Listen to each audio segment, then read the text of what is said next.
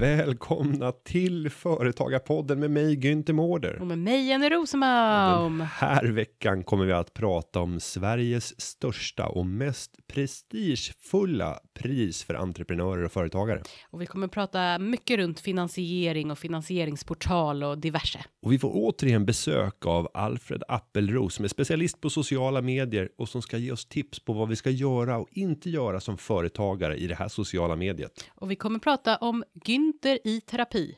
Åh herregud. Och vi kommer också att ta upp vilket kreditkort eh, som är bäst för dig som företagare och privatpersoner. Framförallt analysmodellen som tar dig fram till målet. Oj, oj, oj. Och vi kommer att gå igenom hur hittar man ett bolag att köpa? Eh, Günther, vad säger vi? Vi säger Nu, kör vi! Företagarna. Ja, den här veckan är ju verkligen speciell Jenny. På fredag känner du nervositet. Nej, men, eh, ja, jag har ju liksom som en litet eh, speciellt ställe i magen som, Berätta vad vi som ska göra. ömmar lite extra liksom, eller det och, liksom det, och, det, hugger och det är till. inte den veckan. Det är inte den veckan och det hugger till lite då och då när jag får eh, tankar och så, så eh, en svettrand som går längs liksom ryggen upp och ner. Tittarna, eller tittarna ser det här framför sig, lyssnarna Ja, ser det här precis. framför sig. Berätta vad, vad är det vi ska göra? Jo, eh, på fredag så ska ju vi köra en livepodd. Jennys första livepodd genom historien. Mm. Första gången någonsin Ja. i världen. Ja, ja, ja, Ja. men hur många har du gjort? Alltså är det så många? För det låter som att du är überrutinerad livepoddare. Jo, men jag har gjort många. Eh, Men många, är det mer än fem? Ja, det är det. Ah, okej. För att jag, jag Mm. körde livepodd-konceptet när jag var ute och föreläste rätt mycket på universitet och högskolor på så Mm. här arbetsmarknadsdagar så var det ett inslag så att man kunde komma en timme och få lyssna på livepodd och Ah, vi pratade okej. finanskarriär och så där var jag Men det jag. känns lite torrare. Det här är alltså Berns, mina vänner. Berns men- eh, på, en, äh, på en scen.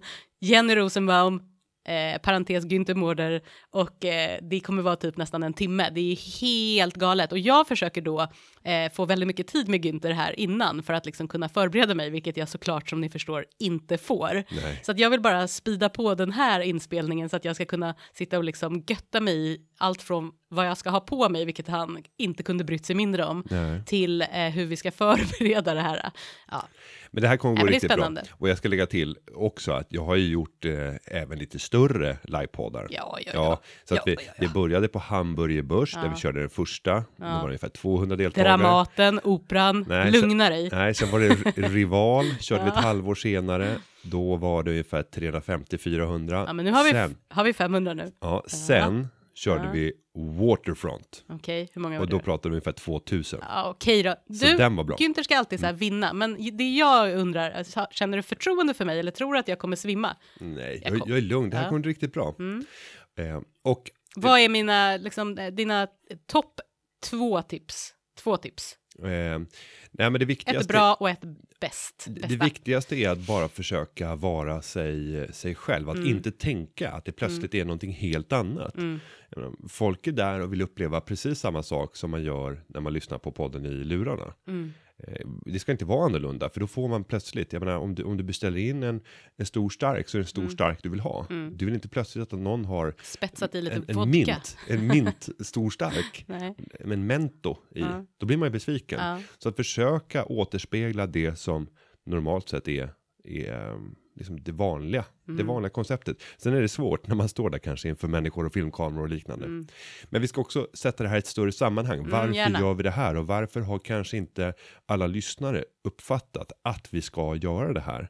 För det är det vanligaste att man Mm. liksom under fem veckors tid bjuder in alla lyssnarna till att Mm. kom hit och, och köp biljetter. Eh, Men så det är, är, det ett inte väldigt, riktigt. nej, det är ett väldigt hemligt event. Det här är ett hemligt event. Ja. Det är så Det kommer secret inte vara- society. Nej, men det, det är en del av dagen för Ja. årets företagare. Mm. På fredag den eh, 14 oktober så ska vinnaren av årets företagare i Sverige koras. Mm. Vet, Väldigt spännande. vet du hur många delfinaler det har varit?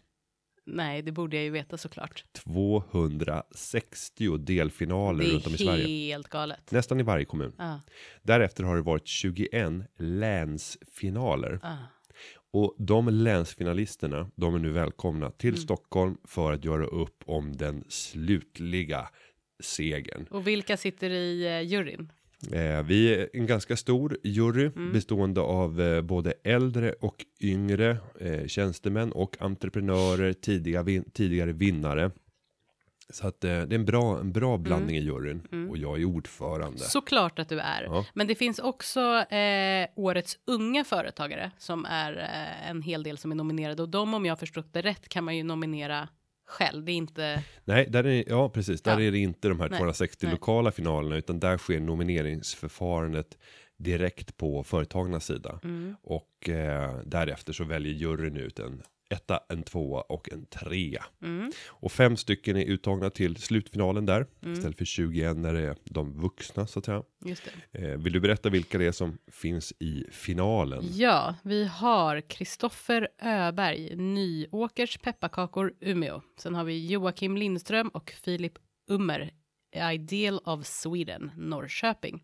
Joel Andersson, Städakuten och Western Farm, Boden. Robin Larsson, Götaland El och Telekom, Jönköping. Och sist men inte minst Simon Nader, Fisk och skaldjursbilen, Stockholm. Ja, och det här är kul. Vi har, ju, Mm. vi har ju suttit i, i juryn och diskuterat de här kandidaterna och det är väldigt häftigt företag. Nu ska inte jag gå in för djupt här för att då finns det en tendens att man kanske Ja. avslöjar för mycket. Ja. Men, men det är ett starkt startfält. eh, Det är en stor variation på de, de här entreprenörernas företagande. Det, det är en ganska stor spännvidd får man Ja, säga. men jag tänker att man gör en övergång nu från då det här vi har pratat om till ett problem som faktiskt kan uppstå och som eh, uppstår både för unga och för äldre och det är om man då ska starta det här företaget. Hur ska jag finansiera det? För man kan ju faktiskt ha en god idé. Eh, jag har ju försökt eh, i mitt huvud i alla fall, framförallt när jag bodde utomlands, att starta företag flera gånger. Framförallt när jag bodde utomlands för jag var tvungen att liksom komma på någonting som skulle göra att jag kunde tjäna lite mer pengar än vad jag kunde då. Och då var ju problemet i alla de här företagsidéerna var ju så här, hur ska jag lösa det här med investering? Ja, för nästan alla företagsidéer kräver ju nå- någon typ av kapital för att komma Ja, igång. exakt. Och, och vissa kräver mer och vissa kräver mindre. Eh, och då, vad är dina bästa tips? Alltså så här, vad gör man? Hur, var börjar man någonstans? Hur går man tillväga för att liksom ja, lösa detta ganska stora problem? För ibland kan det kännas som att det här är liksom make it or break it. Men det vanligaste det är ju att eh, den här företagaren tar alla sina egna pengar till att börja med. Ja. Och sen inser man att det här kommer inte räcka. Nej. Det kommer behövas mer pengar. Och den första tanken som då slår oss det är samma som när vi är vår när vi är privatpersoner Mm. och vi är ett, ett hushåll och tänker vi ska köpa en bostad. Jag har inte pengar det räcker. Mm. Vad gör vi? Vi går till banken.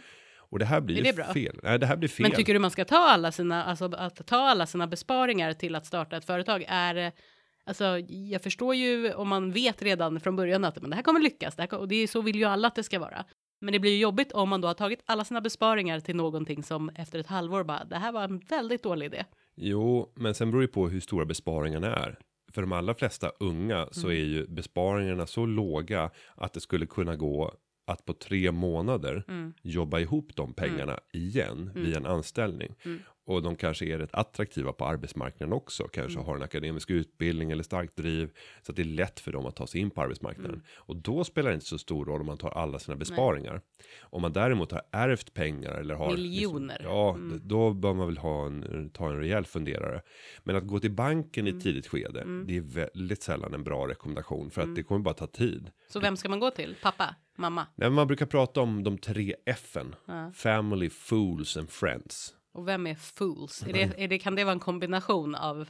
Ja, Av de andra två? Vänners vänner. Ja, alltså. Mm. att, att vara duktig på att sälja in. Alltså familjen kommer kunna stötta i ren välvilja. Mm. Eh, vänner lika så, men de är lite mer kritiska. Mm. Och sen så om du lyckas engagera vänner så kommer dina vänner att kunna engagera sina Mm. vänner. Och berätta att jag har en polare som är på väg att göra världens grej. Mm. Och så bara, va? Vad sa du? Får man vara med? Eh, gäller Du kommer vilja vara med i början av denna resa. Jo, men man, det finns ju alltid Mm. eh, fools i din omgivning som har ärvt mycket pengar och där pengar liksom är det sista som kommer vara ett bekymmer i deras liv. Mm. Ja, det vet du fasiken, det finns alltid i din... Ja. Jo, bland, okej. om vi, nu pratar vi dina vänners okej. vänner. Men hur ska man hitta dem? Jo, men du får ju prata, du Ja. måste vara öppen. Det handlar om allt, marknadsföring, och även marknadsföra ditt eget behov av kapital för att finansiera din lysande affärsidé. Mm. Och det är klart att om jag bara hade investerat så här 100 000 kronor Mm. i varje mer seriös företagsidé Mm. som jag har stött på genom livet så hade det varit en lysande idé. Mm. Och det kan ju låta konstigt, men jag tror säkert att det hade blivit. Nu får jag räkna bort Mm. tiden här på företagen, för nu får jag höra så mycket idéer hela tiden. Men dessförinnan Mm. så ska jag säga att ja, men jag har nog fått höra kanske, kanske, kanske tusen stycken affärsidéer. Mycket pengar blir det. Mm. Varför har du inte gjort det? Eh, för att jag har investerat på aktiemarknaden. Det har varit med, jag har inte velat ta samma risk. Men det hade visat sig att jag har ju stött på flera av de företagen som har kommit att bli de stora svenska företagssuccéerna de senaste tio åren. De har jag stött på i tidigt skede. Vem, nämn någon som är, alltså den största. Vem har du stött på som Ja, var så här, det här var, Kreditor. Eh, som idag heter Klarna. Ja, men de satt i, i, i Business Lab på Handelshögskolan.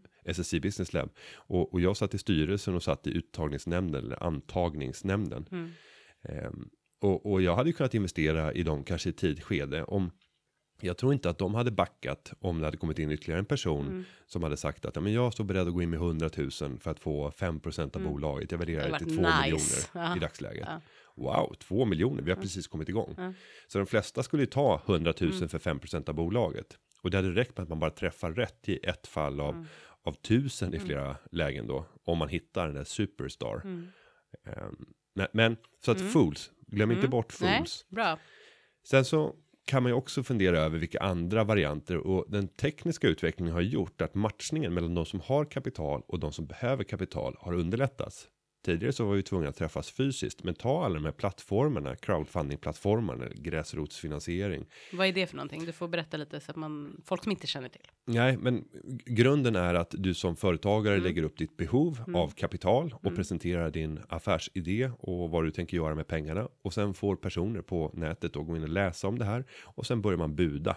Och det kan ju vara antingen att du får aktiekapital eller att du lånar, att det är peer-to-peer lending eller att det är någon typ av, av fringis inbyggd i den här finansieringen. Att utöver att du får lite aktier, det blir lite lån och sen så kommer du även att få den här produkten eller tjänsten som vi ska producera. Eller Den får du ta del av på något sätt, billigare eller gratis eller någonting extra. Det som är fördelen med sån här typ av finansiering, det är att man faktiskt får testa sin affärsidé mot mängder av människor på nätet och du får omedelbart en indikation på hur värdesätter andra det här. Vilka frågor är det som dyker upp till dig som företagare? Och det gör att du plötsligt kan kan få mycket bra information när det gäller att gå vidare i företagandet. Om du lyckas i en sån här runda, då går du stärkt även till banken. Om du har fått 500 personer att satsa på det här bolaget. Mm. Det är klart att det är mycket lättare att gå till banken och kunna få krediter i ett sånt läge.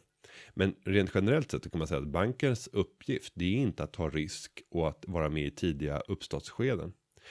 Vad tycker du om mikrolån då? Det är ju också, det är ju en typ av lån, men det är inte bankens lån. Nej, det finns en mängd olika organisationer och inrättningar som erbjuder mikrolån eller små mjuka lån. Mm. Och där kan vi ju ta upp till exempel en aktör som Almi som är ett, liksom ett statligt initiativ för att bereda kapital tillförsel i, i tidiga skeden. Titta alltid på vad Almi kan erbjuda. Det är ett bra och vi kanske skulle bjuda in Almi vid något tillfälle för att få höra mer Va- För man hur hör ju mycket om dem, men man vet inte exakt vad de gör. Eh, ja, jag vet. Jo, du vet, ja, du, du vet. Men, Men- jag men man vet inte. Man är jag och så några Och av er lyssnare. och några av er där ute. Nej, och Mm. Almi har, ett, har ett viktigt uppdrag eh, och benyttjas väldigt. Klart att du vet Mm. vad Almi är. Ja, men jag, jag ehm, nej, men så, så det, det ska Mm. vi nog göra. Men sen finns det ju även så här, lokala inkubatorer och science parks. En inkubator, det är ju oftast en vad man brukar säga på svenska, en företagskuvös. Det jag tänkte säga, det låter väldigt sådär eh, kliniskt. Ja, men ofta så finns det ju anslutning till liksom universitetsmiljöer och då kan det vara finansierat av, av delvis offentliga pengar, delvis privata pengar och där man får komma in i miljö med andra uppstartsbolag. Och där brukar det också finnas ett helt nätverk runt omkring, runt omkring med duktiga rådgivare och även med access till personer som har kapital för att så att säga bli en katalysator, försnabba processen när det gäller att gå från en idé till att stå med ett riktigt bolag. Men vad tycker du om, alltså när man pratar finansiering, det är ju oftast ändå någon som vill ha någonting av att de ger pengar. Eh, jag tänker att, att man köper upp en del av bolaget. Hur mycket ska man vara beredd att, att släppa av bolaget eh, i ett tidigt skede? För att man kan ju tycka att sin idé är grym och man vill bara ha liksom pengar och då tänker man att jo, jo, men jag är beredd att släppa. Sen så kommer man på sen att det kanske inte var en så god idé att släppa så mycket därför att eh, det var en väldigt bra idé och det blev det väldigt mycket pengar. Ja, fast det är en väldigt bra idé, då Mm. kommer det ändå bli tillräckligt mycket Ja, pengar. du tänker så. Eh, så att det gör Men hur mycket ska det man vara beredd idé? att släppa då? Ja, men mer än man tror. Ja, okej. För att Säger du det bara för att du själv kommer stå på andra sidan Ja, och vara du själv fool. investerar precis och bara, eh, du måste vara beredd att släppa lite till. Nej, men Nej. ofta så är folk för återhållsamma när, det Ja. gäller med att, när det gäller att bjuda in andra 3 ägare. procent. Ja, och Mm. problemet är att om du inte släpper in andra ägare i, tillräckligt stor utsträckning, då kommer de heller inte att vilja engagera sig. Om du har fått 3% i ett bolag, Mm. om jag hade investerat 3% i ett bolag, då är mina intressen för att engagera sig i det 3 bolaget 3%. Mm. Nej, men jag kan inte lägga speciellt mycket Nej. tid, engagemang för att Mm. få det här att flyga. Mm. Om jag däremot hade fått 15, 20, 25 procent av bolaget, Mm. ja men då plötsligt börjar det Mm. bli ganska väsentligt. Mm. Så då kommer jag göra mer insatser för att det här bolaget ska flyga. Och du måste också se dina finansiärer och investerare som en resurs för att faktiskt lyckas. Så och sen om vi går tillbaka till frågan. Varför ska man dela med sig mer? Jo, också för att om det är en bra idé, då kommer det gå fortare att nå succé. Om det visar sig vara en dålig idé, ja då har du fått någon annan att finansiera Ja. en uppsnabbad process för Så att det är få svaret. Ja, eh, det enda, enda gången som det är lite halvdassigt Mm. och har delat med sig mycket av ägandet. Det är om du befinner dig i en bransch där du vet att det här kommer jag kunna göra helt själv. Vi kan växa organiskt. Mm. Vi, pengar är inte det kritiska. Visst, vi tappar ett år för att bygga upp det för att vi måste få kassaflöde Mm. för att sen kunna göra nästa nivå av investeringar och marknadsföring. Eh, Men där det inte bjuds på någon topp, Mm. där det liksom finns ett tydligt tak för hur mycket det kan leverera. Ta konsultbusiness. Nej, det är klart du inte ska sälja ut om du ska starta ett konsultbolag i ett tidigt skede. Det är väldigt låga inträdesbarriärer normalt sett om det inte är avancerad konsultation. Eh, Och det behövs inte speciellt mycket kapital utan det är ju medarbetarnas Mm. löner. Och när du tar in en ny medarbetare, ja då ska ju den personen ha en beläggningsgrad. Mm. Eller att du sitter och har hur mycket jobb som helst på befintliga konsulter. Mm. Så att där skulle jag kanske inte bjuda in speciellt många. För då blir du bara, kan man säga, en slav. Mm. Det är någon annan som äger dig och dina arbetsinsatser. Men då får man ändå helt enkelt ta sig ändå. Det är inte så att man gör det bara sådär, utan man får ju ta sig en funderare på hur, hur man vill gå tillväga när man ska söka finansiering. Men jag tänker, det finns ju ett begrepp här som jag tycker är väldigt intressant, affärsänglar. Kan vi inte prata lite om det? Jo, det låter vackert. Ja, det låter ju alltså, och, vad är en affärsängel och är du en affärsängel? En, Är du en ängel?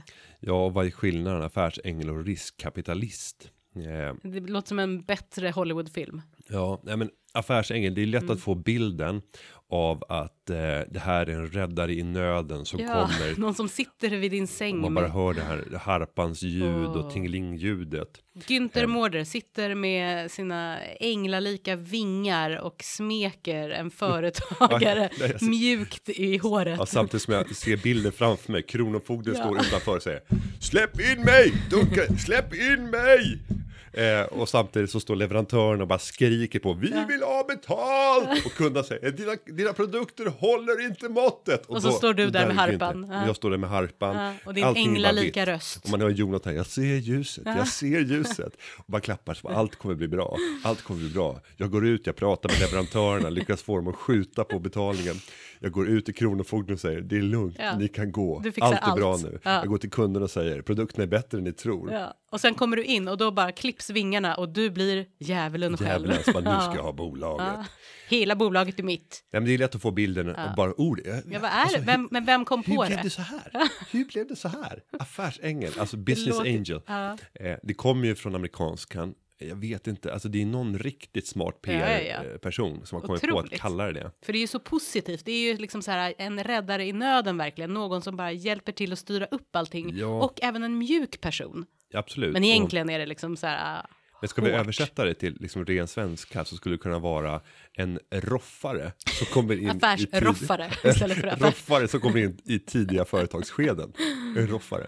Eh, men som också står beredda att bidra med sina kunskaper Ja. eh, och bidra med sin tid och sitt kontaktnät. Eh, men oftast i så tidigt skede att riskkapitalbolag skulle inte vara intresserade av det för de vill se att det har bevisat sig. Men är du en affärsängel?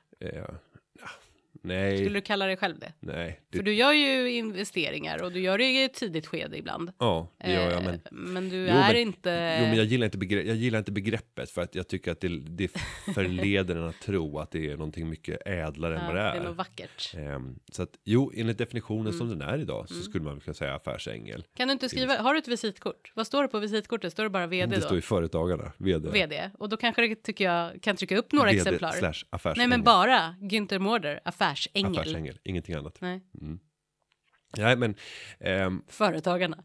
ja. eh, sen, sen tycker jag att, att gå ut och söka, alltså nätverk är Mm. kanske det absolut viktigaste. Och där är ju gränsen hårfin då, vem, Mm. vem är affärsängel?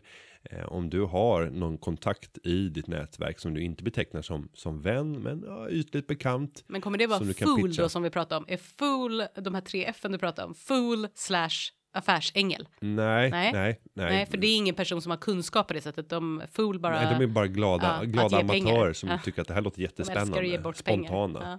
En affärsängel är inte spontan. Nej. Utan är kalkylerat. ganska kalkylerad Ja. och, och analytiskt lagd. mm. Eh, nej, men det, det är bra att ha Ja, sådana men det här kan personer göra en rolig film på. Ja, Jag känner det. affärsängeln. Ja. Ja, bara, The business angel. ja, bara, bara ordet skulle kunna användas. Men då tänkte jag göra en övergång till eh, ett eh, redskap som vi har tagit fram för att utbilda och hjälpa företagare att eh, förstå bättre hur man kan finansiera sitt företag. Och då har vi finansieringsportalen. Så lägligt. Ja, så går du in på, du kan bara googla företagarna finansieringsportal eller gå in på företagarna.se och klicka dig fram till finansieringsportalen. Vad, vad hittar vi där? Där har vi tagit upp olika innovativa företag som har kommit på lösningar som gör att du kan finansiera ditt bolag. Många tänker kanske bara att finansiering, det är att jag lånar pengar eller säljer ut delar av bolaget. Men det finns ju många andra varianter. Till exempel att eh, om du tar en factoringtjänst där du säljer dina fakturor. Ja, men det är ju också en finansieringslösning. Om du kan hitta sätt att få dina leverantörer att ta betalt senare än vad du eh, normalt sett brukar betala. Ja, då är det också en finansieringslösning. Kan du få dina kunder att betala snabbare? Det handlar om att managera sitt rörelsekapital i det här fallet. Så att det finns mängder av olika initiativ och där har vi samlat en hel del av de nya. Det är medlemmar i företagarna som har eh, skapat innovativa företag och vi ser det som en utbildning att lyfta fram de här. Så där har du just nu åtta stycken, men vi hoppas att det är fler medlemmar som kan bidra med fler spännande lösningar på finansieringsområdet och att vi kan servera ännu fler exempel på. Så välkomna med lite lösningar. Ja, är du medlem i Företagarna och har en innovativ idé som redan idag är ett fungerande företag som handlar om företagsfinansiering. Kontakta Daniel Wiberg som är vår chefekonom och pitchare. Ja, Så får vi se om han gillar det och tycker att det bör finnas med på finansieringsportalen. mycket spännande. Men nu har det blivit dags för en djupdykning Ja. i sociala medier. I våran följetong, våran spännande följetong. Vi lyssnade ju redan på följetong nummer ett, del ett förra veckan. Och nu är det del två. Del två i vår sociala medieskola. Och den här kommer ju pågå nu från och till under hela hösten. Där vi kommer få möta specialister på olika sociala medier som delar med sig av sina bästa tips. Företagarna. Då säger jag återigen välkommen till vår digitala kommunikationsexpert Alfred Appelros från Get Social. Välkommen till Företagarpodden igen. Tacka, tacka. Och du är ju den som har fått uppdrag att vara vår analytiker och spanare när det gäller just Instagram och hur företagare och vi som vanliga personer och, och människor kan använda de här för att bättre marknadsföra oss och skapa värden.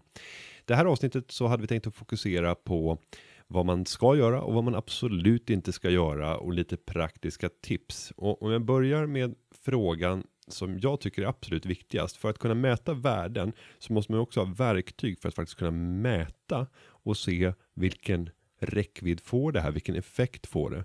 Eh, jag är väldigt eh, duktig på att använda till exempel Twitter Analytics för att analysera mitt Twitterkonto. Jag har aldrig använt någonting för Instagram, mer än att jag tittar på hur många likes jag får, hur många views som filmerna får. Men det måste ju finnas något motsvarande analysverktyg för Instagram. Vad finns det? Jajamän, eh, jo men det finns, eh, det finns eh, flera olika men jag skulle vilja faktiskt gå in och rekommendera ett som är de absolut största på detta och det är Iconosquare. Eh, där får du ut väldigt mycket statistik. Eh, du kan titta på eh, när på dygnet har jag eh, bäst engagemang, vilka filter ger bäst engagemang eh, och lite sådana saker.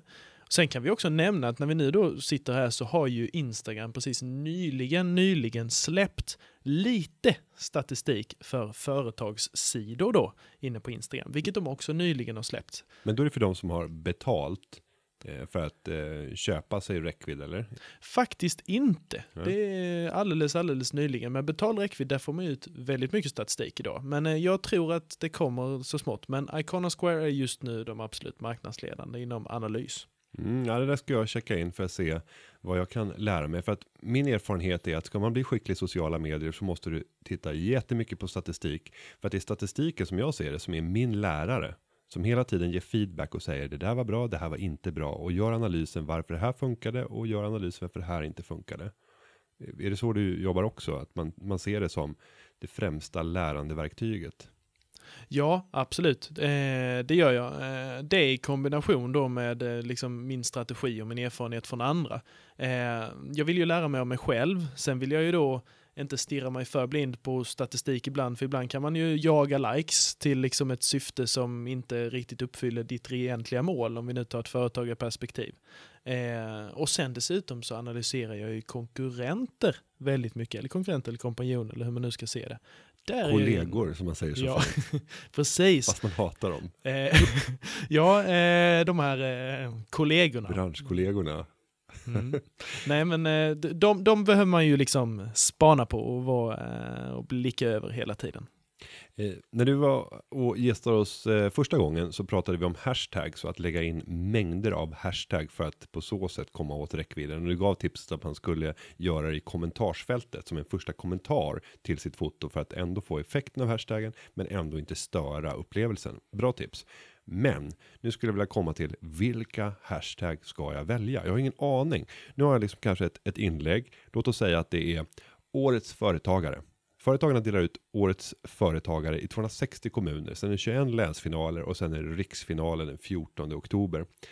Och om jag då ska hashtagga liksom nu finalen i årets företagare och få så stor räckvidd inom den berörda målgruppen. Folk som driver företag, företagare ska se det här. Hur ska jag gå tillväga för att hitta de hashtags där jag kommer att kunna hitta min målgrupp så att det kommer upp i deras flöde? Ja, nu, någonstans så skulle jag ju eh, försökt till en början att titta lite då på, eh, jag, skulle, jag skulle titta lite på vad de här branschkollegorna använder i liknande inlägg. Kanske det finns någon annan typ av event likt detta där man använder hashtags så. Det skulle jag titta på. Jag skulle gå in och titta på liksom flödena på de här hashtagsen. Vad är det för någonting som läggs ut med detta?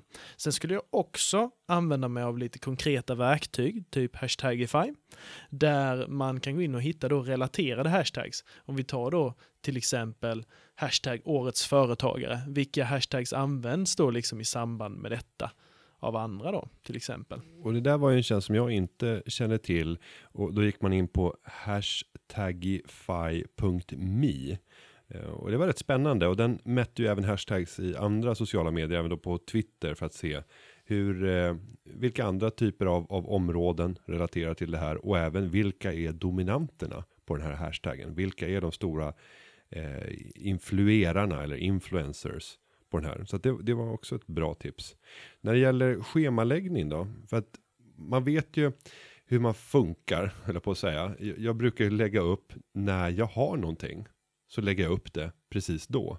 Men det är förmodligen inte det mest optimala tillfället. Bara för att det råkade tas en bild precis i det tillfället så är det sannolikt inte det bästa tillfället att göra uppdateringar.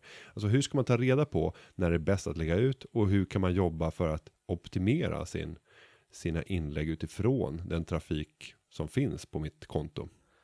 Ja, precis. Ehm, där, där handlar det ju mycket om ehm, det vi pratade om lite i början, att lära sig av sin analys. När man har satt, i, satt igång då på Instagram så bör man ju testa lite olika tider.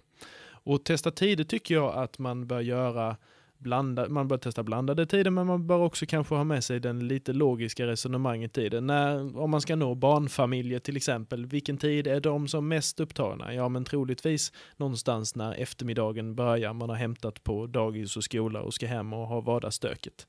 Och när har man mer tid? Jo, när barnen har gått och lagt sig på kvällen kanske. Lite sådana logiska eh, resonemang och sen då testa sig fram. Kolla när får jag bäst engagemang, när får jag lite mer räckvidd då.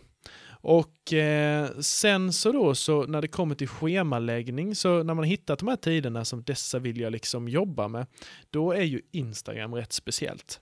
Facebook har ju en eh, tydlig funktion för eh, schemaläggning, Instagram har inte det. Och det är väldigt viktigt att inte använda sig av några verktyg där man schemalägger saker automatiskt.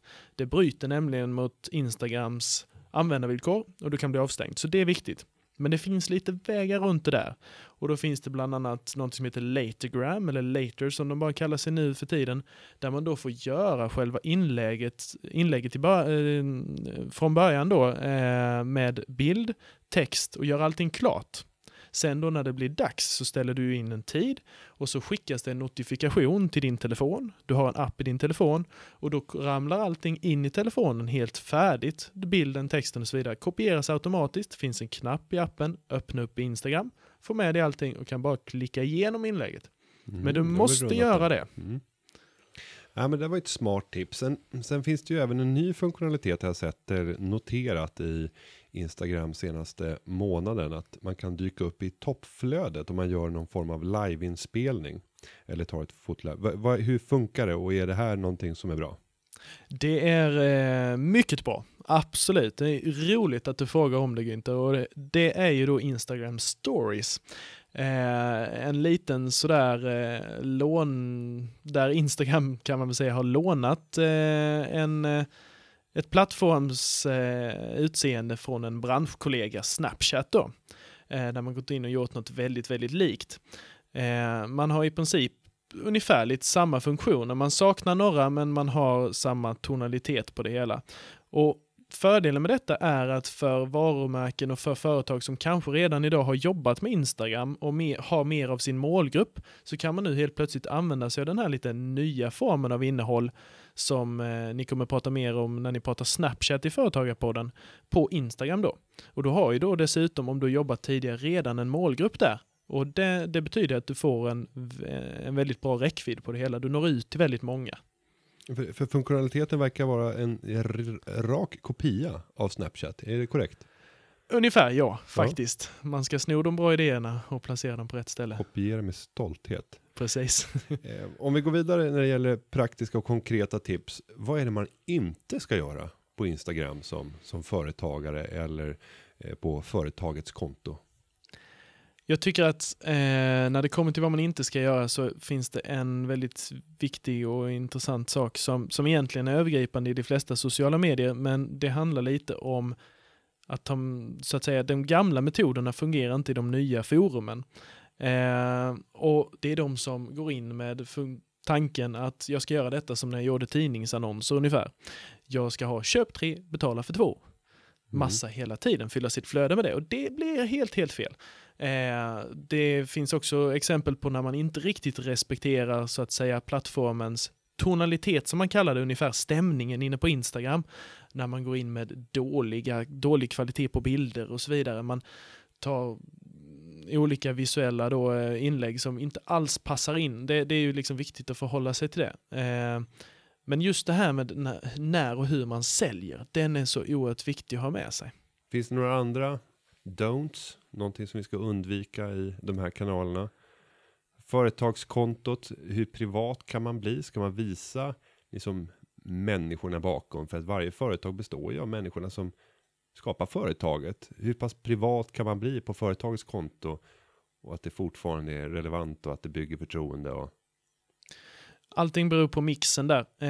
Eh, som du säger, alla affärer görs av människor. Eh, och det är viktigt att eh, någonstans bygga relationer och vara personlig. Men, men du ska vara personlig på ett relevant sätt. Eh, det, det, är lite som så här, och det, det, ser man tyvärr idag på Instagram. Det finns en del konton där man har svårt då att kanske hitta inlägg om sin verksamhet och så lägger man mest ut inlägg om vad gör vi på arbetsplatsen och då försöker man göra massa roliga saker på arbetsplatsen, då lägger man ut ett inlägg och då blir bilden utåt, ja men den här revisionsbyrån, de har ju alltid personalfest. Eh, det funkar ju liksom inte, utan du måste ju ha eh, en liksom mix av det här. Annars blir man ju lite fundersam som kund då Eh, över vad de egentligen hittar på på jobbet. Ja, det är en intressant kommentar. Vi, vi ska i ett framtida avsnitt analysera mitt eget konto och jag kan ju säga själv att de gångerna som jag gör inlägg så är det ju ofta för att det är någonting annorlunda, kanske någonting roligt. Det är lätt att få bilden. Ja, men det där ska vi få. Det ska jag få en analys av senare. Spännande. Eh, om vi ska ge några framgångsexempel då. Vad skulle du ta fram för exempel då? Hur jobbar de som är skickligast med Instagram? Eh, vad är det som särskiljer dem? Ja, men om man, det finns en del riktigt duktiga och kan vi titta på några liksom, så att säga svenska företag som är eh, riktigt eh, duktiga på sin eh, Instagram och som faktiskt det finns lite statistik bakom att de är duktiga. Det finns eh, ett företag som heter Salster som mäter engagemangsnivån på lite större Instagram-konton eh, månadsvis i Sverige. Och då finns det till exempel ett företag som heter Nextjet som ett eh, känt Flygbolaget, flygbolag. mm. Precis.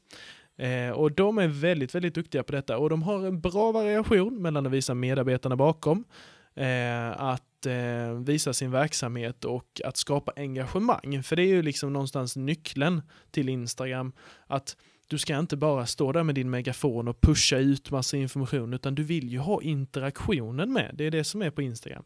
Du vill ha folk som gillar, kommenterar och så vidare. Eh, ett annat företag också som jag skulle vilja lyfta upp det är ju faktiskt eh, Marabou. Det behöver inte presenteras något mer, eh, men eh, de har ju lyckats hitta en bra balansgång mellan sälj och eh, att då kunna eh, inspirera folk. De har ju en väldigt tacksam produkt såklart, men de har ett väldigt, väldigt tydligt så att säga bildmaner där man kan se att ja, men detta är verkligen Marabou och de har blandar komedi med lite mer inspiration, så eller inspiration med känsla just. För det handlar ju om det. det, det handlar ju om känsla på Instagram. Det handlar ju om att eh, väcka någon slags känsla. Om det så är att man tycker wow, detta är vackert eller åh, det där var lite roligt eller fasen nu blir jag nästan lite arg eller vad det då kan vara. Och de hade ju väldigt mycket följare. 170 000 följare hade Marabou Sverige. På Precis. 208 inlägg. Kan det verkligen vara äkta? För- Är det möjligt? Det är fullständigt möjligt. Eh, Och de har ju en bra engagemangsnivå då. Det är ju det som vi kan se som liksom en, eh, en liksom tydlig antydning till att det inte är köpta följare. Så att säga. De interagerar ju med varumärket. ja, det brukar vara en 10 000 som, som likar här varje gång. Det är helt otroligt. Ja, det får vara ditt mål där Günther. Choklad. Mm. Nej, det där det blev jag imponerad över. Jag blev också imponerad när jag tittade på, på NextJet. Jag tyckte de hade fångat verkligen en tonalitet, liksom en personlighet i det. Så ett bra exempel på ett, ett bolag. De hade inte överdrivet mycket följare, men strax över tusen stycken. Eh, Men jobbade ändå, tycker jag, på ett dedikerat snyggt sätt och kunde även paketera marknadserbjudanden. Nu släpper vi tusen extra biljetter för, ja, och lite sådär kampanjaktigt, men på ett positivt sätt. Ja, det var bra exempel. Ja, finns det någonting annat eh, som eh, man kan ge som tips och inspiration för att eh, lyckas på Instagram?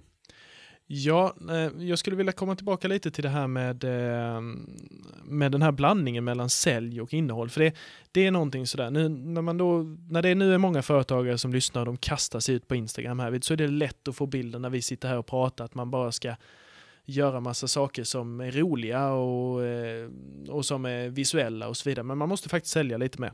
Annars är det svårt att driva företag. Men eh, då, då är det viktigt att tänka på det att jag brukar jämföra och mm, det finns en eh, väldigt duktig kille i USA som heter Gary Vaynerchuk och han har eh, den här metaforen då som jag gillar att använda och det är att sociala medier det är ungefär som en boxningsmatch. Man behöver jabba som det heter, de här små, små slagen när man slår ungefär rakt fram och sen har man sina right hooks, sin högerkrok då. Och det är viktigt att tänka på sociala medier som det. Du ska jabba, du ska alltså ge. Ge värde, ge värde, var intressant, var rolig, ge kunskap och så vidare. Sen ska du också sälja. Och då kommer liksom din högerkrok. Så du måste ge, ge, ge, ge, ge. Nio av tio gånger måste du ge. Men sen måste du sälja för att kunna prioritera den här tiden. Så det är oerhört viktigt att få med båda, båda de två delarna. så att det blir motiverat att använda sociala medier. Annars är det ingen anledning till det. Ja, ja men det där är många, många bra tips här. Eh, Alfred Appelros från Get Social kommer att komma tillbaka i ett senare avsnitt och då är det dags att eh, syna mig bland annat och företagarnas konto och eventuellt någon annans konto. Lite ris och ros. Eh, men med det så säger vi tack till Alfred för att du har varit här i Företagarpodden ytterligare en gång. Tack, tack! Och nu är vi tillbaka med mig, Jenny Rosenbaum, i studion igen. Och mig, Ja. Günther, Günther Mårder. Nej, men eh, mycket intressant och jag tänker ju genast eh, sociala medier. Du har ju hållit på, alltså du älskar ju sociala medier, Günther Mårder. Du Jag älskar Jag det, alltså det, denna, alltså att få komma ut bland folket på, så snabbt och liksom, du gillar ju det och är ganska bra på det. Och då tänker jag, eh, nummer ett, lär du dig någonting? Inte av just bara Alfred, men alltså generellt. Alltså, känner du så här, ah, men det där, det där tipset, det, det ska jag börja anamma nu. Jo, men det gör jag. Och tar vi bara det här senaste Mm. samtalet som jag haft med, med Alfred. Mm. Så just att hitta nya verktyg som jag kan Mm. använda för att analysera mitt eget beteende och mitt eget värv. Alltså hur mycket älskar du att analysera dig själv? Och då kommer min fråga som jag bara kom på nu såklart då. Mm. Har du gått i terapi? För alltså i terapi får man ju analysera sig själv jättemycket. Nej, men det låter spännande. Jag har Du varit med. borde ju göra det. Ja, jag kommer ihåg en sak under min uppväxt där jag Ja. fick sitta med äldre människor Eh, och göra intervjuer. Okej. Och det var en tvillingstudie. Aha. Eh, jag vet inte om jag tagit upp det här i podden tidigare, men Nej, det har du inte. Det hade jag kommit ihåg. Mm. Ja, Ja, men vår familj Mm. är en unik familj i Sverige. ja. Okej. ehm, Alltid. okej. Hela vår släkt är väldigt Jo. unik. Nej, men det, det Såklart. eh, Jag har ju träffat din släkt. ja, Mm. ja, det har du gjort. Ja. Och då vet du också att Mm. min mor, Mm, hon är tvilling. mm. Jo, det är många tvillingar i din Ja, släkt. Ja. och, och min mor har fött tvillingar. Ja. Hennes syster har fött tvillingar och även andra systern har fött ja, tvillingar. det är helt galet. Så det, det är tvillingar all over the Ja. place som prins Daniel hade sagt. Eh, och och det, du har ju tvillingar som syskon. Då. Ja, Mm. och, och allting är då tvåäggstvillingar. Mm. Så det betyder att eh, kvinnorna i, eh, i min släkt Mm. på mårdersidan, eh, de släpper mycket ägg. Många, de bara, så. alltså, som hönor som släpper många ägg. Och, då, och då kan du tänka dig, eh, du vet ju det här PMS, vet du vad det är? Jo, jag vet ju, jag känner ju till det. Ja, och tänk dig att du släpper, Från dig känner jag till det. Nej, jag jag fick lära mig det av dig tidigare. Tänk dig då att, man, Ja. att alla kvinnorna i hela din släkt släpper två ägg samtidigt. ja. Får man mer PMS om man släpper två Jag ägg? vet eller? inte. Nej. Alltså, det känns inte orimligt. Är därför jag blir så härdad. Ja. Nej, eh, men, men då ingick vi i en tvillingstudie Ja. som jag tror är världens största, initierad av svenska forskare. Mm. Eh, och där fick vi sitta och prata om oss själva, där man skulle göra då eh, distinktioner mellan Mm. hur mycket är arv, hur Mm. mycket är miljö. För att har du tvillingar så har de haft hyggligt lika förutsättningar och ja, genmässigt och sådär så finns det likheter. Mm. Eh, och Men då, de här tvåäggstvillingarna, nu har ju du, eh, din, dina syskontvillingar är ju liksom en pojke och en flicka. ja, och då är det förmodligen Mest min det, syster som kommer ha stor sannolikhet att kunna få tvillingar. För Ja. det hänger ju på, jo precis. kvinnan. Jo men det jag skulle fråga, är det de andra tvillingarna, är det av samma kön eller är det också pojke flicka? eh, det är mer av samma kön. Ja, okej. Oftast samma kön. Mm. Mm. Så att eh, då fick jag prata om mig själv. Mm. Och, och hur kändes det? Det kändes bra. Jo, men det är det jag säger, att du Mm. borde ju gå, alltså i många länder, Sverige är lite förbjudet att gå i terapi och sådär, men många länder eh, är ju det liksom som att du går till och fixar naglarna, du går liksom till din terapeut. Men sen så kan man säga att jag har såna här terapeutiska luncher Mm. nu här för eh, för, eh, var det förra eller för, för förra veckan var det. Mm. Då eh, skedde ju en av de här första vinstluncherna. Mm. Du vet, eh, om man blev medlem Nej, men alltså i... man kan inte, okej att du är transparent, men ska du säga nu att de här luncherna som du, då öppnar du upp dig och ser det som ett terapisamtal, för det funkar inte. Det blir Ja, men, här, jättekonstigt. men här var det ju en Chalmers Ja. student som hade vunnit en, en Okej. lunch för de Ja. hade blivit studentmedlemmar i. Företagarna. De gick in på företagarna.se student och blev Mhm. medlemmar. Mm. Och då vann de en lunch och då tog han med sig två stycken av sina kompisar på lunchen också som han driver bolag med Mm. eller ska driva bolag med. Eh, och de där luncherna då får man ju känna sig väldigt märkvärdig eftersom de har jättemycket frågor Mm. och de vill att man ska berätta om saker som hur man resonerar Mm. i karriären, varför har du gjort det där, Mm. vad tycker du om det här? Nu tänker jag kanske mer terapeutisk, inte karriärslivet utan det andra livet. Men okej. Inre livet. Ja, och nu var det här en väldig avstickare, men det var mer för att jag själv tyckte att det var väldigt intressant att höra. Ja, analys. Ja, en analys. Men det jag ville komma till, det är när vi, om vi hoppar tillbaka till Instagram, för det var där vi pratade eh, och eh, började diskutera sociala medier. Man syns mycket, du älskar att synas, eh, du borde gå i terapi. Eh, det var det liksom sammanfattningen. Men Instagram stories, det känns som något nytt. Tycker du att det är? För jag har ju sett dig på det. Gjort en, Eh, en enda gång. Exakt, jag har sett dig en gång. Det tyckte jag var ganska bra. Men jag på min Instagram har jätte, alltså folk lägger ju ut jättekonstiga saker på Instagram stories. Det är så här, jag åt den här saken till frukost och så är det någon trött liksom macka. Det är jättetråkigt. Eh, men hur tycker du, ser du potential i Instagram stories? Tror du att det liksom, känns det som någonting nytt? Borde du göra det mer än en gång? Ja, jag tror att formatet kan kan mogna. Till att Mm. börja med ska man ju ställa sig frågan varför har Instagram gjort det här? Mm. Och det är ju som vi pratade om också tidigare en direkt ett direkt slag riktat mot Snapchat Mm. och det är Facebook som Mm. äger Instagram. Så att det är en naturlig utveckling av Snapchat har har gjort succé bland unga. När ska man använda? Ja, men det gäller att hitta formatet. Det är få Mm. företag som har blivit skickliga på Snapchat formatet, men jag ser väldigt bra Mm. eh, liksom möjligheter. Om man tänker på den som säljer säljer åsikter. Företagarna jobbar ju med att påverka i samhället och försöka påverka beslutsfattare till, att- till att fatta bättre beslut som leder till att vi får ett bra företagarklimat. Så fort det händer någonting så kan man ju faktiskt gå ut i en story och kommentera. Nu är det väldigt korta klipp, men det gör att du kan ta en mening i taget. Du kan få en ganska bra puls i det. Spelar du in fem stycken meningar där det bara är puls på Ja. direkten och du förmedlar dina åsikter på ett engagerande sätt. Äh, då tycker jag att det är bra. Jag känner att du och jag, det blir en utmaning. Vi, eh, kan vi inte köra en Instagram stories? Jo, det tycker Så jag. eh, gå in på eh, Företagarpodden så att eh, vi har ju ett Instagram-konto. Så får ni se mig och Günther eh, senare göra Instagram stories. Och jag sitter och funderar på om Mm. vi inte redan eh, ska pitcha den här Ja. podden. Och grejen är att den försvinner på 24 timmar. Just så det. Då kommer ingen kunna se Nej, den. men vi får göra det om, nej, men vi får göra det så att det, det ligger samma dag som podden släpps. Ja, det får vi göra. Eller någon dag senare. Men följ, man kan inte följa dig. Man måste, man, man måste bli vet. godkänd. Ja, jag vet. Men ni kan följa eh, Företagarna Ja. och ni kan följa Gunther Marder. Ja, jag får fixa det där. Det gör vi. Nu går vi vidare. Mm, det gör vi. Ja, då har vi en fråga under underbart förmögen, denna fina formulering. Ja, och hur gör man om man vill ställa frågor? Och vi vill ju att, att eh, lyssnarna ska ställa frågor. Ja, men det vill vi. Och då kan man göra det på massa olika sätt. Man kan göra det på Twitter om man vill och då är det hashtag företagarpodden. Man kan göra det på Instagram. Vi har ju ett Instagram Instagram-konto och då är det, heter det också Företagarpodden. Eh, man kan göra det på Facebook och man kan ju även göra det faktiskt på vår hemsida. Då kan man ju välja kategori så fint. Så att det är några, några av tipsen. Och gör gärna det och ställ många frågor. Jag tycker vi får lite för lite frågor nästan. Ja, vi vill, vi vill ha fler. Ja, vi vill ha fler.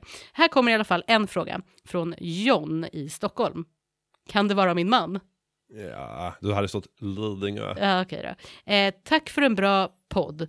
Vad ska man tänka på när man väljer kreditkort? Deras avgifter, samlande av poäng, vilka är bäst?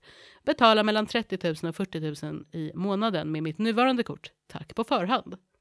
Vad säger du Günther? Okej, till att börja med, Eh, ja, vi kan ställa frågan. Ja. 30 till 40 000 kronor på kreditkortet. Verkar det vara din man?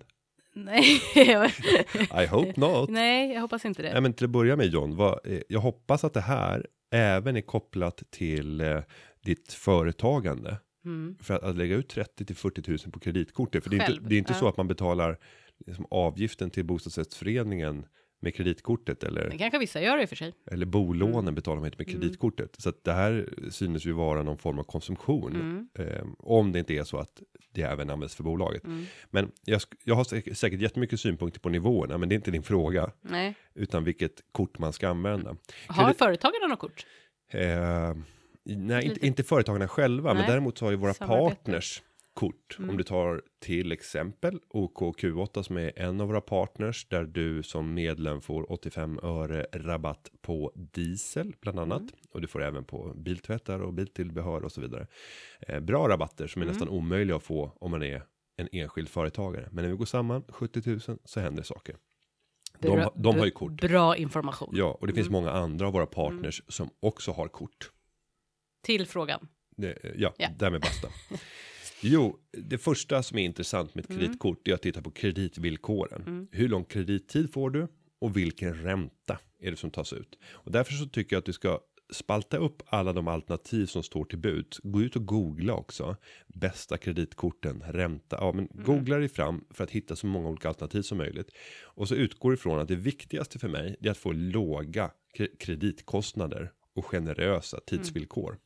Sen ska du också titta på vilka är det som har en faktureringsavgift att de lägger på en 30 kronor eller 29. Ja, det kan vara en fakturaavgift som blir betydande på, om det är rätt så små belopp i övrigt.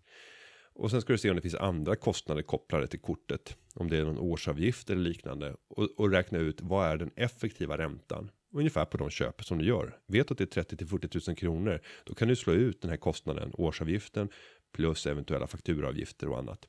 Så att du får en helhetskostnad för respektive kort. Därefter så ska du göra upp en rad där du skriver vilka andra fördelar har de här korten. För nu, nu går du på korten. Ja, för Nu, nu har du rankat de här utifrån räntevillkor. Mm. Och sen ska du bara tänka så här. Nu får jag bara titta på sådana förmåner som faktiskt gör att det är intressant för mig som företagare och privatperson. Det får inte vara hittepå saker som jag egentligen inte behöver. Mm. Så bara, med det här kortet så får du en spahelg på det här slottet. Så bara, jo, men hade du köpt den här Mm. spahelgen på det här slottet? Förmodligen inte. Så att det måste vara måste saker. Om det är så att du reser mycket i ditt jobb, ja men då är fria hotellnätter rätt bra förmån. Mm. Eh, Det kan vara bra med flygpoäng. Sen kan ju det här kombineras med olika typer av lojalitetsklubbar Mm. också. Så att man får inte blanda ihop. Vissa av fördelarna kan du ändå få om du bara har ett medlemskort. Men då tittar du på vilket av korten är det som du rankar högst då. Så gör man en rankinglista. Vilken idéspruta du är alltså. Ja, men och sen så Ja. jämför de där två listorna med varandra och förmodligen så kommer det inte vara samma etta på kreditvillkor och betalningstid som det kommer vara när det gäller förmåner för Mm. Då vad får man göra en vad får. avvägning. Mm. Ja, så kanske är det att du hittar ett kort 3 på räntevillkor. Ja, men det ligger som topp två. Ja, då är det förmodligen det bästa alternativet för för mig, för jag får både lite fringisar och jag får schyssta räntevillkor. Varsågod John, hoppas du förstod Günthers eh, kolumner och eh, tekniker. Annars får du eh, spola tillbaka lite och lyssna igen. Ett dubbel ett dubbelt rankingsystem. Ja. Ja. Det var bra. Då går vi vidare till en annan fråga från Felix i Jönköping. Hej Jenny och Günther. Ni har tidigare i podden pratat om att många företagare är gamla och letar yngre förmågor som vill ta över. För mig som är en yngre förmåga, hur kommer jag i kontakt med företagare som vill sälja sitt bolag? Min upplevelse är att företagen sällan vill skylta med att de funderar på att sälja sina livsverk. Mm, det här är helt rätt. Felix har, han, han slår huvudet på Mm. spiken. Så Fruktansvärt ont. Ja, det är, ja, fast en spik är så liten så det beror på vart den hamnar kan jag Ham, tänka. hammarhuvudet på Ja, spiken måste ja det vara. det gör ju ont. Ja, ja, fast det gör ju inte Nej, ont. det gör ju mer ont att få spiken rakt i huvudet. Ja. Eh, och eh, vi har faktiskt inom företagarna arrangerat träffar där vi pratar om så här gör du för att sälja ditt bolag. Mm. Och då har vi konstaterat att det är jättesvårt att få deltagare att vilja komma på sådana aktiviteter. Ingen vill skylta med Nej, det är ju det på den lilla orten. Ja, ja. Att då sätta sig ner tillsammans med andra. Så bara, "Jaha, så du vill också Vänta, sälja ditt företag? är du på G? Ja, jag vill egentligen göra det. Ah. Så bara, men det gick ju jättebra för dig sa du senast. Så bara, ja, det gör det. Men, eh, Men jag funderar ändå på. ja. Ja. jobbigt. så att det här är ett jätteproblem. Mm. De som vill sälja kommer inte att i de flesta lägen vilja skylta med det. Men däremot så är det ju så att säga mindre tabubelagt att faktiskt eh, skylta med att man vill köpa.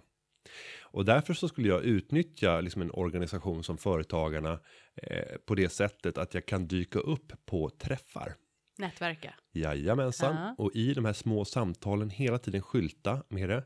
Och det skulle till och med kunna vara så att inför ett sådär frukostmöte kanske som hålls lokalt i en kommun, det kanske är en Mm. grannkommun till och med, stå beredd att resa lite grann.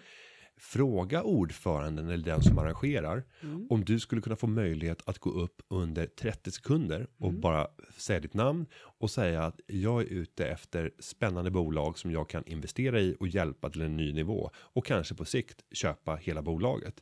Eh, Det är inte så mycket prestige på dig. Nej, Alltså jag gillar det, men jag, jag kan tänka så många skulle nog inte komma på tanken och bara hej hej, här är jag. Jag är väldigt intresserad av att köpa. man måste ta för ja, sig. man det måste handlar om sig. Ja, marknadsföring. ja, det är bra. Och sen så gäller ju då att att eh, vara rätt så diskret Mm. eller Svårt att vara diskret Nej, med nej. det. Ja, det jag tänker är så här, företagaren som vill sälja vill ju vara Ja, diskret. ja. Så därför är det bättre om du bara delar ut visitkort till alla på platsen. Mm. Ja, okej. mm. Eh, och sen kan det även vara så att eh, du erbjuder ett nyhetsbrev där du ger tips på hur du höjer Oj, värdet oj, på ditt oj. bolag. Ja. Alltså du måste ju tänka Ja, hur kan du framåt. bygga upp en bas Mm. och då blir det inte lika pinsamt för folk att faktiskt ta emot det där visitkortet och så säger man bara skicka ett mail till mig Mm. om ni vill ha de här tipsen för hur ni höjer bolag, Mm. bolagsvärdet eh, och hur ni gör för att köpa andra företag eller sälja ert eget. För då är det så här, jaha, men jag kanske vill köpa. Det låter intressant. Mm. Sen så finns det ju många där i samhället som har mycket kunskaper, till exempel revisorer. De vet väldigt ofta mycket mer än de flesta andra om intentionerna och vad företagaren vill. Så Man ska bli polare med eh, revisorer. sprid ditt Gå ord. på så här revisorspubbarna. De Revisionspubbar, är ja. sjukt coola. Eh, ja, det, det kan vara ett tips, men, men också att bara knyta kontakter, Ja. att bara skicka ut meddelande, att kanske komma och försöka besöka revisorer där du kan förmedla det till många i ditt närområde eller där du vill köpa ett bolag. Sen Man får finns, inte vara blyg helt enkelt. nej, sen finns det faktiskt en organisation, Mm. ett branschförbund som heter Sveriges Företagsmäklares Riksförbund, Mm. SFR. Och där är det ju bara personer som jobbar med att faktiskt mäkla sådana här typer av affärer.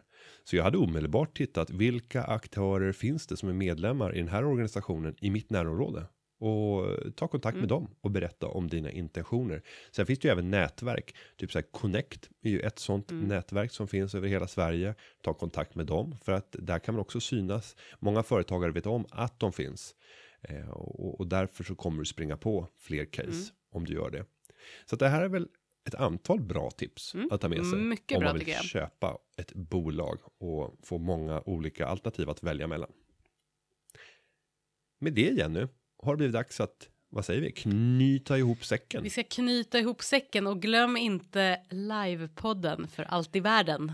Nu på fredag den Ja. 14 oktober, när vissa av er hör det så har det redan passerat. Det kommer att livesändas på företagarna.se.